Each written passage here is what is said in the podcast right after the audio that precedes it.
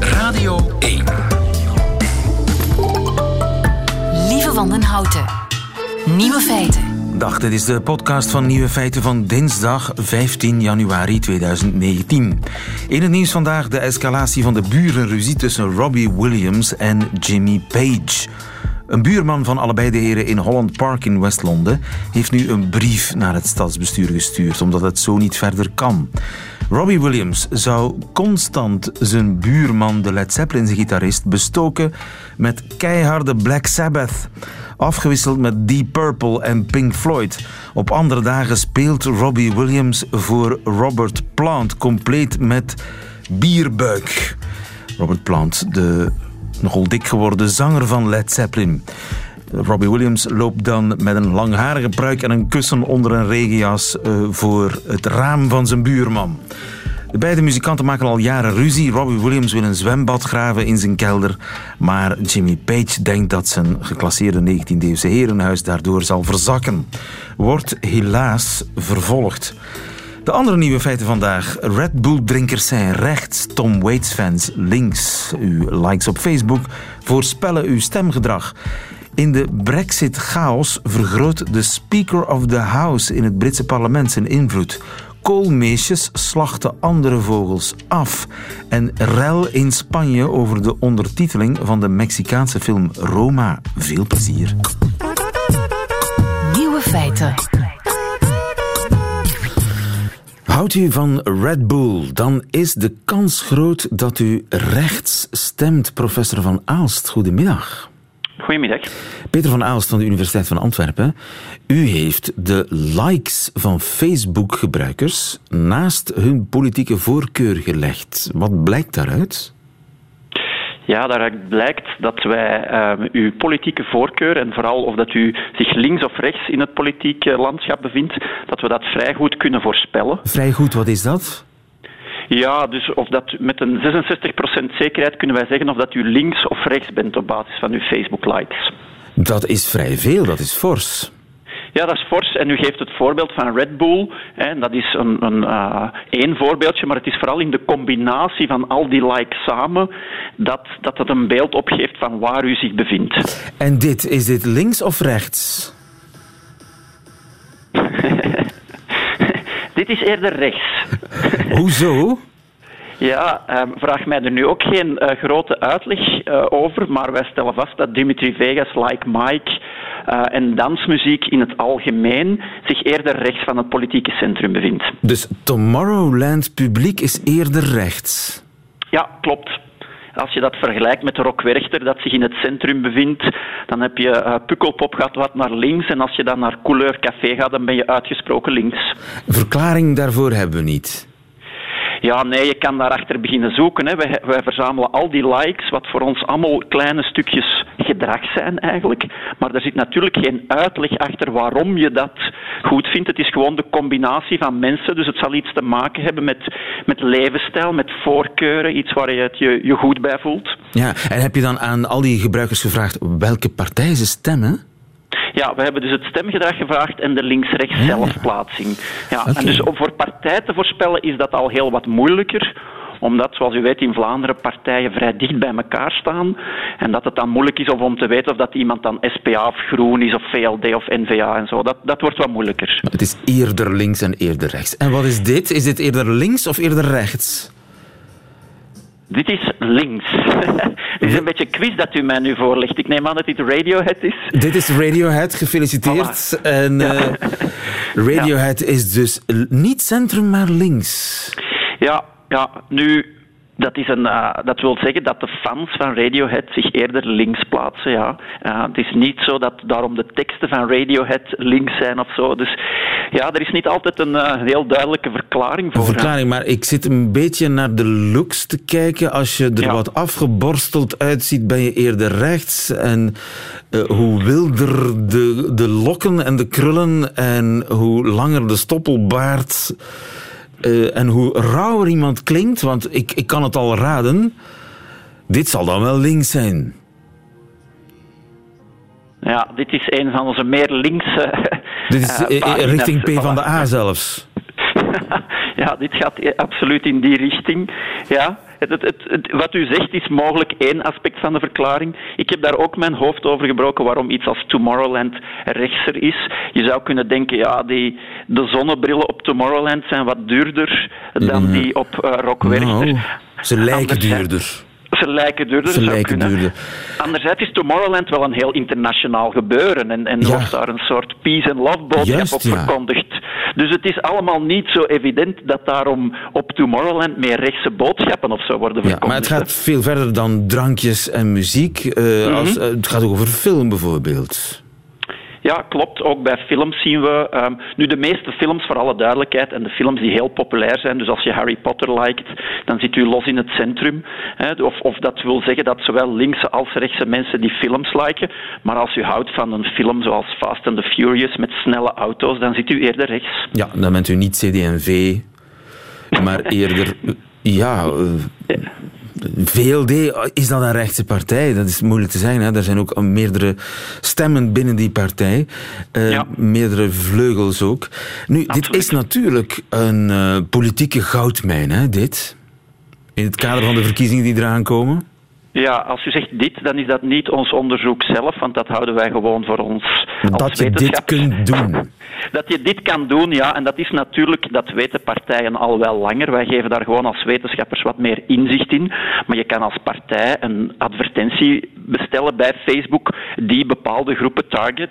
En dat gebeurt nu al. En mogelijk in het verleden zullen zaken als muziek en, en, en uh, cultuur en zo daar ook een rol gaan inspelen. Ja. Dus als ik straks heel veel advertenties krijg van de VLD, dan moet ik eens checken wat ik allemaal heb zitten liken. Ja, dat zou kunnen. Ja. En als ik niet te veel advertenties wil, dan best niet te veel liken. Ja, dat zou ook kunnen. Alhoewel, dat, eh, zoals uit ons onderzoek blijkt, dat het heel subtiel kan zijn natuurlijk. Hè. En je ziet ook dat sommige partijen gewoon zeggen, kijk, alle Vlamingen van ouder dan 18 krijgen deze advertentie. Hè. Dus het is allemaal nog niet zo specifiek op dit moment.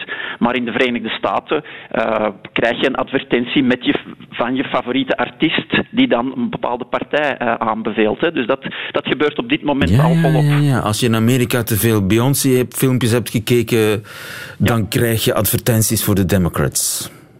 Ja, nee, maar het is zelfs zo dat je sowieso advertentie krijgt voor de Democrats, maar als je Beyoncé liked, zal Beyoncé uh, de Democraten aanbevelen en anders zal dat misschien Bruce Springsteen zijn. Alright. Dus Zo verfijnd kan het, ja. Ja, absoluut. Dus dat ze weten van, kijk, we weten dat die mensen positief staan tegenover ons. Ze hebben die muziekvoorkeur, laten we die twee combineren. En zo komt die boodschap beter of krachtiger over. Peter van Aalst, dankjewel. Goedemiddag. Graag gedaan. Nieuwe feiten. Sinds wanneer moet een Mexicaanse film in Spanje ondertiteld worden? Sven Tuitens, goedemiddag. Goedemiddag. Onze man in Spanje. Er is uh, daar bij jou een stevige polemiek ontstaan over de Mexicaanse film Roma. Niet zozeer over de film zelf, want ja, dat is een meesterwerk natuurlijk. In glorieus zwart-wit. Zeer traag. Over de lotgevallen van een dienstmeisje in Mexico-stad in de vroege jaren 70. Wonderschoon. De controverse gaat niet over de film zelf, maar hierover. De taal. Ajá. Seguro ya andas con él, ¿verdad? Ay, acá no. Él es solo mi amigo. Is dat Spaans, Sven? Dat is inderdaad Spaans. Dat is uh, Spaans met een Mexicaans accent. Dus de Mexicanen die zingen iets meer dan de Spanjaarden. Maar in wezen is het dezelfde taal. Het is Spaans en toch krijgt de film in Spanje ondertitels. Waarom? Omdat er sommige woorden uh, meer gebruikt worden in het Mexicaans dan in het Spaans. Bijvoorbeeld, het gaat eigenlijk over vijf uh, woorden waar dat iedereen zich op dit moment druk over maakt. vijf woorden? Woord, ja, over meer gaat het eigenlijk niet. Dus een van de zaken die gezegd worden in het Mexicaan is, uh, als men verwijst naar een moeder, zegt men mama. En in het Spaans wordt dat dan madre ondertiteld. Dus dat zijn woorden die iedereen begrijpt. is net zoals moeder en mama. Zelfs de Nederlandstaligen zouden het begrijpen. En daarvoor maken de mensen zich zeer kwaad. Vooral de regisseur, Alfonso Cuarón, die zegt van, ja, dat het niet alleen kwetsend is voor de Mexicanen, maar vooral kwetsend voor de Spanjaarden. Hij denkt van, zijn de Spanjaarden dan zo idioot eh, dat ze dat Mexicaans niet kunnen begrijpen? Waarom hebben ze dat ondertiteld? Ja, dat vraag ik me ook af. Maar ik vraag me dat vaak ook af bij, als ik dat dan naar ons mag brengen. Je hebt dat uh, vaak bij Nederlandse producties en Vlaamse producties. Die krijgen tegenwoordig ook ondertitels. En, en, dan hoor je sodemieter op en dat wordt dan vertaald vervlaamst naar val dood. Dat is gewoon. Ja, bijvoorbeeld. Dit is ongeveer hetzelfde. Ja, dit is ongeveer hetzelfde. Het enige is dat er hier. We spreken hier met gevoeligheden. Hè. Er is bijvoorbeeld. oh, maar die zijn tussen Vlaanderen en Nederland ook hoor. Gevoeligheden. Ja, toch? ook. Maar bijvoorbeeld in Spanje zou er niemand aan denken om een Andalusische film te ondertitelen.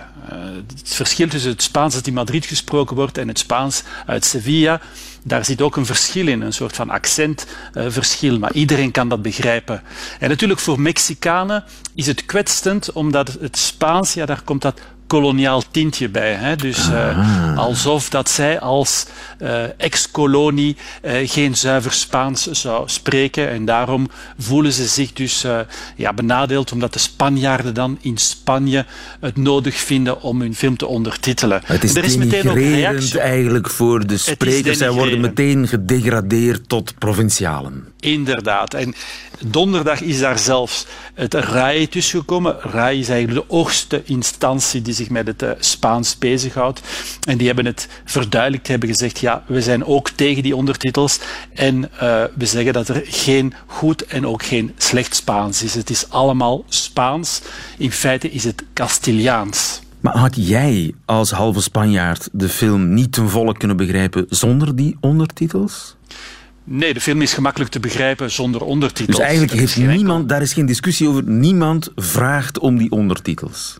Nee, er zijn, uh, er zijn meer uh, uh, Mexicaanse reeksen of Zuid-Amerikaanse reeksen die in Spanje gezien worden en die worden nooit ondertiteld. Dus het is een beetje vreemd dat men dat nu gedaan heeft met deze Mexicaanse film. Maar dat is een beslissing van Netflix die de film geproduceerd heeft. Inderdaad, het is een beslissing van Netflix en blijkbaar beseffen ze dat hun beslissing niet zo goed was, want ze hebben die ondertitels uh, donderdag weggehaald en ze hebben die vervangen door wat er echt in de film uh, gezegd wordt. Dus letterlijk? Letterlijk, Dat kun je ja. gewoon afzetten? Ja, dat kan je gewoon afzetten. Bij Netflix kan je dat gewoon afzetten, ja. Nu, hoe zit dat bij uitbreiding met de rest van Spaanstalig Latijns-Amerika? Uh, wordt een Peruviaan ooit ondertiteld op de Spaanse televisie? Iemand uit Paraguay? Nee, Normaal is dat niet nodig. Je gaat verschillende accenten hebben. Over het algemeen het grote verschil met het Spaans in Spanje en het Spaans dat in Latijns-Amerika gesproken wordt, is dat zij meer zingen of bepaalde letters anders uitspreken. Bijvoorbeeld in het, uh, in het Spaans-Spaans is het uh, voor veel buitenlanders moeilijk om de Z uit te spreken. Dus 15 zou in het Spaans quince zijn. Die cc is heel moeilijk. Maar in het Mexicaans wordt die z gewoon s uitgesproken. Quince. Is het vergelijkbaar met het Engels, dat ook anders klinkt in Engeland dan in Amerika, maar dat toch nooit ondertiteld wordt? Tenminste, voor Klopt, Engelstalig publiek ja, toch niet? De vergelijking is ongeveer dezelfde, inderdaad. Er Bijna allemaal dezelfde. Er zijn een paar woorden anders, eh, de, de, ja. het accent is anders, maar iedereen begrijpt iedereen. Dat, is het, uh, dat klopt, zo is het ook. En het, het, interessante aan de hele zaak, als we dan teruggaan naar die koloniale periode, is dat er Spaanse woorden vandaag nog altijd gebruikt worden in Latijns-Amerika, die niet meer in Spanje gebruikt worden, maar die nog altijd deel uitmaken van het Spaanse uh, groene boekje in feite. Dit is, de, het is dezelfde taalunie die wij met Nederland hebben, Vlaanderen en Nederland. Wel, dat hebben zij ook uh, voor de hele Spaanstalige wereld. Dus de Spaanstalige wereld is niet aan het verbrokkelen, het is nog altijd één geheel. Inderdaad. Dankjewel Sven Tuitens in uh, Madrid voor ons. Goedemiddag. Graag gedaan.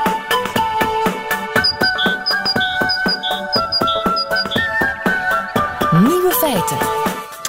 Ja, wat lijken ze mooi en lief, hè, die koolmeesjes. Maar vergis u niet, onder dat prachtige verenkleed huist een ware hooligan. Wat zeg ik? Een moordenaar. En dat heeft ook te maken met de klimaatverandering. Jelmer, goedemiddag. Goedemiddag. Jelmer Samplonius, bioloog van de Universiteit van Groningen. Uh, jij hebt bijna tien jaar lang bijna duizend nestkastjes gemonitord in twee natuurgebieden. Heb ik me laten vertellen. Heb jij lijken in die kasten gevonden, Jelmer? Ja, dat klopt. Voor ons onderzoek in uh, het Dwingelde Veld en het Drents-Friese Wold doen we dus elke vijf dagen nestkastchecks uh, tijdens de lente. Om te kijken wat de vogels doen die in de nestkastjes broeden. En uh, af en toe als je zo'n nestkastje opent, dan vind je daar opeens een lijk in van een bonte vliegenvanger. En dat is bijna zonder uitzondering in de kast van de koolmees. Het is wel vreemd, want normaal gezien een koolmees eet geen andere vogels op, hè? Um, nee, normaal gesproken zijn koolmezen toch rupseneters. En uh, in de, alleen in de winter, als het heel schaars wordt, zie je ze af en toe wel uh, jagen op. Bijvoorbeeld, het is bekend dat ze op vleermuizen soms jagen. En ook wel op uh, andere kleinere vogels in die in kleine groepjes aan het forageren zijn. En wat is dan het motief om die bonte vliegenvanger te killen? Uh, de bonte vliegenvanger, wanneer hij terugkomt uit Afrika, uh, dan uh, gaat hij bij heel veel nestkastjes langs. Om te kijken waar de beste plek is om te broeden. En voor, de, voor de bonte vliegenvanger is het heel aantrekkelijk om in de buurt of in dezelfde, dezelfde kast als een koolmees te broeden. Omdat de koolmees het hele jaar op het broedgebied zit. En dus heel veel lokale informatie heeft die de vliegenvanger niet heeft, omdat hij het hele jaar in Afrika zit. Dus het is eigenlijk een soort concurrentie. Het is inderdaad concurrentie om nestkasten, ja. En eh, dat heeft met klimaatopwarming te maken dat er nu meer lijken in de kast zitten dan vroeger. Ja, we hebben gekeken naar twee processen die uh, dit conflict uh, kunnen versterken of verminderen. we hebben ten eerste gekeken naar hoe de timing van beide vogels beïnvloed wordt door klimaatsverandering. En daarin zien we dat koolmezen heel sterk meebewegen met temperatuursverandering. Dus als het bijvoorbeeld een heel warm voorjaar is, dat koolmezen extreem vroeg broeden omdat, ze, omdat de rupsenpiek, waar ze van afhankelijk zijn, ook heel sterk opschuift. Uh, als in zo'n jaar bonte vliegenvangers aankomen, dan zijn ze vaak heel asynchroon met de mezen. En dan zullen er niet heel veel slachtoffers vallen. Uh, omdat de bonte iets minder reageren op de temperatuur op het broedgebied. Want die informatie hebben ze niet. Ze zitten in Afrika. Uh, het tweede mechanisme waar we naar hebben gekeken is hoe wintertemperatuur de broeddichtheid van de mezen beïnvloedt. En daarin zien we een positief verband. Dus als het warmer wordt in de winter, dan broeden er meer mezen in de nestkasten. En wanneer er meer mezen in de nestkasten broeden, zowel in jaren waarin er meer mezen zijn, als in gebieden waarin er relatief meer mezen zijn, vinden we meer dodelijke slachtoffers onder de vliegenvangers omdat, ja, er zijn, de mezen hebben alle plaatsen al bezet en de vliegenvanger is te laat. Uh, ja, dat is inderdaad uh, in dat geval uh, het mechanisme waardoor dat zal plaatsvinden. Ja. En wat is het moordwapen? de koolmees gebruikt gewoon zijn snavel dus, ehm, en, zijn, en zijn klauwen. Dus koolmezen zijn best sterke vogels. Ik, als je ze in de hand hebt, dan ehm, ja, je voelt dat het een hele robuuste vogel is. Pakt vaak ook je vingers vast met zijn klauwen. En dat zijn toch wel forse, forse klauwen die een koolmees heeft. Uh, in tegenstelling tot de bonte vliegenvanger, dat is een, ja, de, de kom is ongeveer 18 gram, de bonte vliegenvanger 12 gram. En um, ja. de bonte is ook, heeft helemaal geen klauwen en is heel, heel dociel in de hand. En uh, ja, op het moment dat het tot vechten in de nestkast komt, dan heeft de bontvliegenvanger eigenlijk geen schijn van kans. Want die bek is heel scherp van de koolmees. En wat doet hij met die bek dan? Dan splijt hij dat lijf van de bonte vliegenvangertje gewoon open, of wat? Ja, um, ze, ze, vinden blijkbaar een zwakke plek achter op de schedel. Want we zien bijna zonder uitzondering dat achter op de schedel uh, alle veren verwijderd zijn. En dat daar dan ook uh, de hersenpan gekraakt is en de hersenen zijn opgegeten. Phew. Ja, dat is vrij. Uh, het is wel uh, eng. Om dat dan aan te treffen in zo'n nestkastje. En ja. is dat een bepaald deel van de totale populatie bonte vliegenvangers die op die manier wordt afgeslacht? Uh, ja, de, we hebben dus gekeken naar of het inderdaad uh, of het, of het willekeurig is, of dat bepaalde soort mannetjes zijn die worden afgemaakt. En het blijken met name wat latere, onervaren uh, immigranten mannetjes te zijn die meer kans hebben om doodgemaakt te worden door de bontvliegenvanger. Um, en we denken, ja, we denken dat dit te maken heeft met het feit dat we minder vrouwen dan mannen in onze populatie hebben. En als je vroeg aankomt als man, dan heb je een hele grote kans op een vrouw. Terwijl als je laat aankomt, heb je een hele kleine kans op een vrouw. En um, dan denk ik, we, denken eigenlijk dat die latere mannen, die immigrantenmannen, um, Nou ja, het risico nemen om een goede, kwaliteit nestkast van de koolmees over te nemen en dat af en toe moeten bekopen met hun leven. Ja.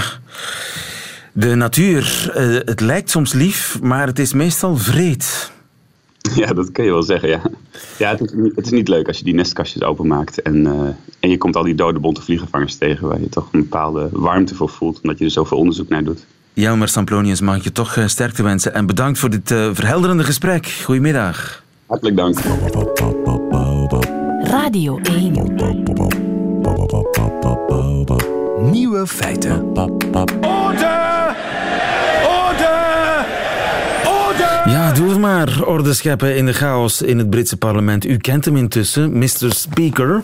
John Burko, een man waarvan gefluisterd wordt dat hij steeds meer invloed krijgt. Lia van Beckhoven, goedemiddag. Goedemiddag. Onze vrouw in Londen vanavond stemt dat parlement over de deal.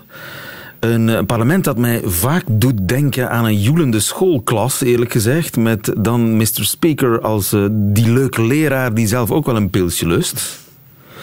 Jou niet? En hij kent alle namen van alle 650 Kamerleden. Zoals een leuke leraar dat doet. Die ze ja, ja. Het is een kleurrijk figuur, hè? Het is een kleurrijk figuur. Het is inderdaad een entertainer. Het is, maar het is ook een Marmite man. Dus of je vindt hem heel leuk, of je hebt er een bloedhekel aan.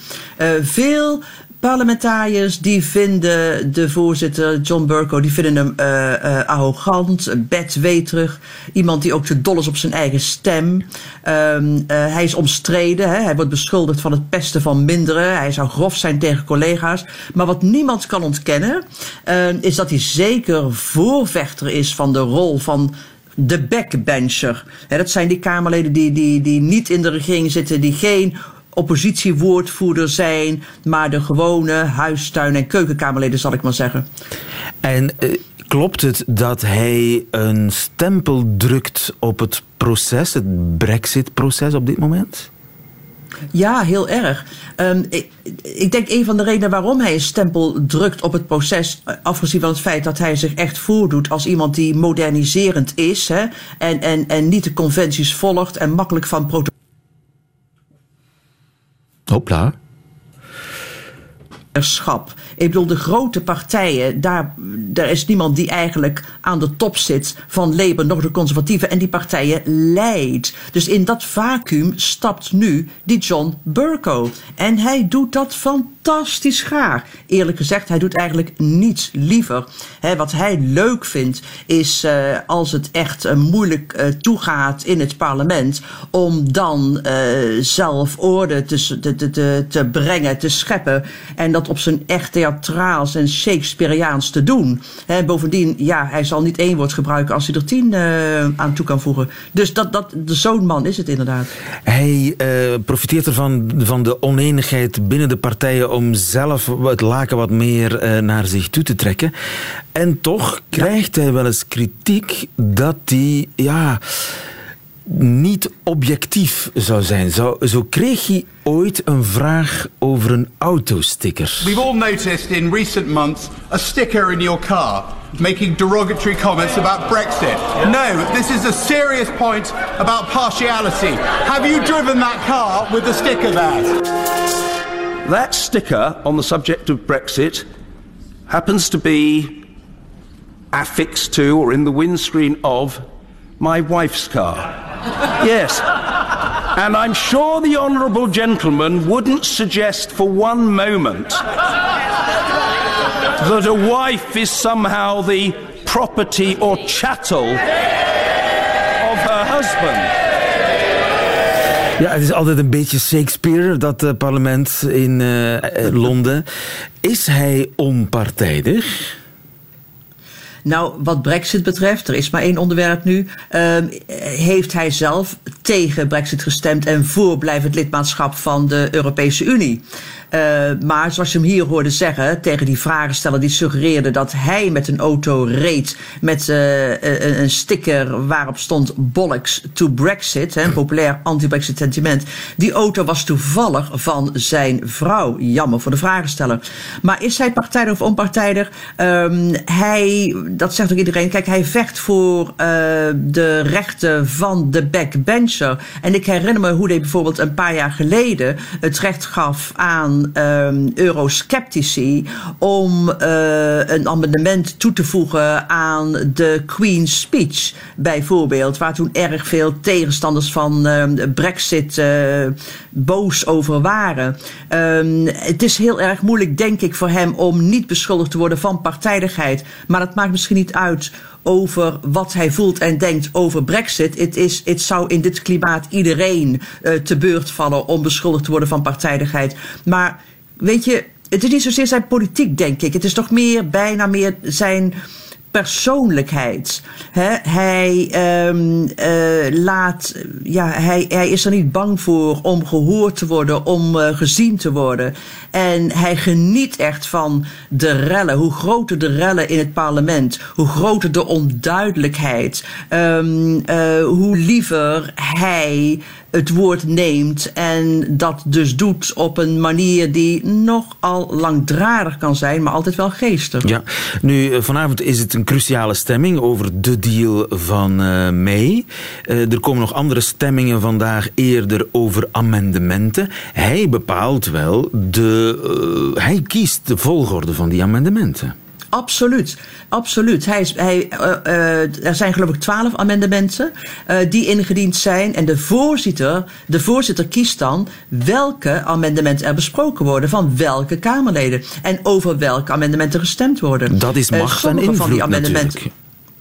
Absoluut. Uh, sommige van die amendementen kunnen uh, het akkoord van mee uh, wijzigen. En hij bepaalt ook de debatten over plan B. He, als mee verliest en ze moet terugkomen binnen een paar dagen met een nieuw met een alternatief, dan zal hij bepalen wanneer, hoe lang er over haar alternatieve plannen gesproken wordt. Ja. En als ook, hij heeft zeker macht. Kijk, als het gelijk spel is bij stemmingen bijvoorbeeld. 230 voor, 230 tegen, dan heeft hij de beslissende stem. Maar niet alleen over dit soort zaken hoor. Maar ook liever, hij blokkeerde bijvoorbeeld het bezoek van Trump aan het parlement. Trump, Amerikaans president, wilde heel graag toen hij vorig jaar in Londen was, uh, het uh, parlement toespreken. En uh, Burko zette toen zijn boodschap en zegt dat gebeurt hier niet, want het Verenigd Koninkrijk is tegen racisme en seksisme. Ja. Einde citaat. Dus als de Brexit-chaos één ding heeft duidelijk gemaakt, als er één ding helder is, dan is dat die Speaker of the House, dat hij wel degelijk, dat hij wel degelijk macht heeft. I will stand up for the rights of the House of Commons, and I will not be pushed around by agents of the executive branch. They can be as rude as they like, they can be as intimidating as they like, they can spread as much misinformation as they like. It won't make the slightest bit of difference to my continuing and absolute determination to serve the House of Commons. Ja, de eloquentie aan de macht in Londen op dit moment. Benieuwd wat dat wordt vanavond. Hoe groot de nederlaag, zo tenminste denkt iedereen, zal zijn uh, van uh, Theresa May in het parlement als er over haar deal wordt gestemd. Lia van Beckhoven in Londen voor ons, dankjewel. Goedemiddag. Nieuwe feiten. Middagjournaal. Ik hoor geween. Het is de taal die leidt. We buigen ons vandaag eens over taal. We kunnen ondertussen concluderen dat het niet meer zo nauw steekt allemaal. Ooit gans het volk en heden marginaal. De kunst van het scherpzinnig formuleren heeft plaatsgemaakt voor makke morsigheid, nu stamelaars de hoogste toppen scheren. Ik hoor geween, het is de taal die leidt. Wie helpt niet bij de kweesten naar de graal? De VRT, eertijds in hoger sferen, maar heden op tv en digitaal, qua spraakkunst en qua uitspraak een schandaal. Een peloton schermblinde circusberen beheert de site met onverholen vlijt. Wie intuned dreigt zijn moerstaal af te leren. Ik hoor gehuil, het is de taal die leidt. Het onderwijs, dat stelt toch perk en paal. Daar leert de jeugd de taal te savoureren, te spreken zo flexibel als een aal, als proest te schrijven met een pen van staal. Helaas, men moet vooral communiceren en zinsontleding is verleden tijd en spelling is een kwestie van proberen. Ik hoor geschrei, het is de taal die leidt.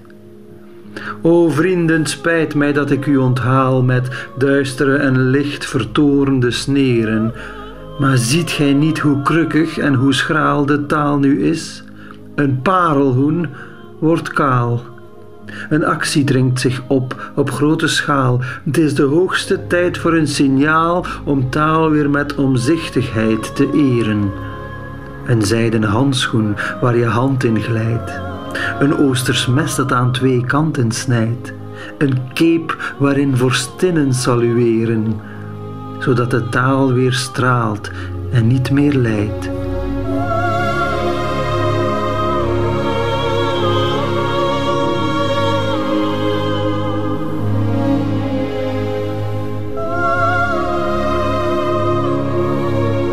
Het middagjournaal met moderne rederijker Stijn de Pape. Meteen het einde van deze podcast. Maar u vindt er nog veel meer op radio1.be en op alle mogelijke podcastkanalen. Tot volgende keer.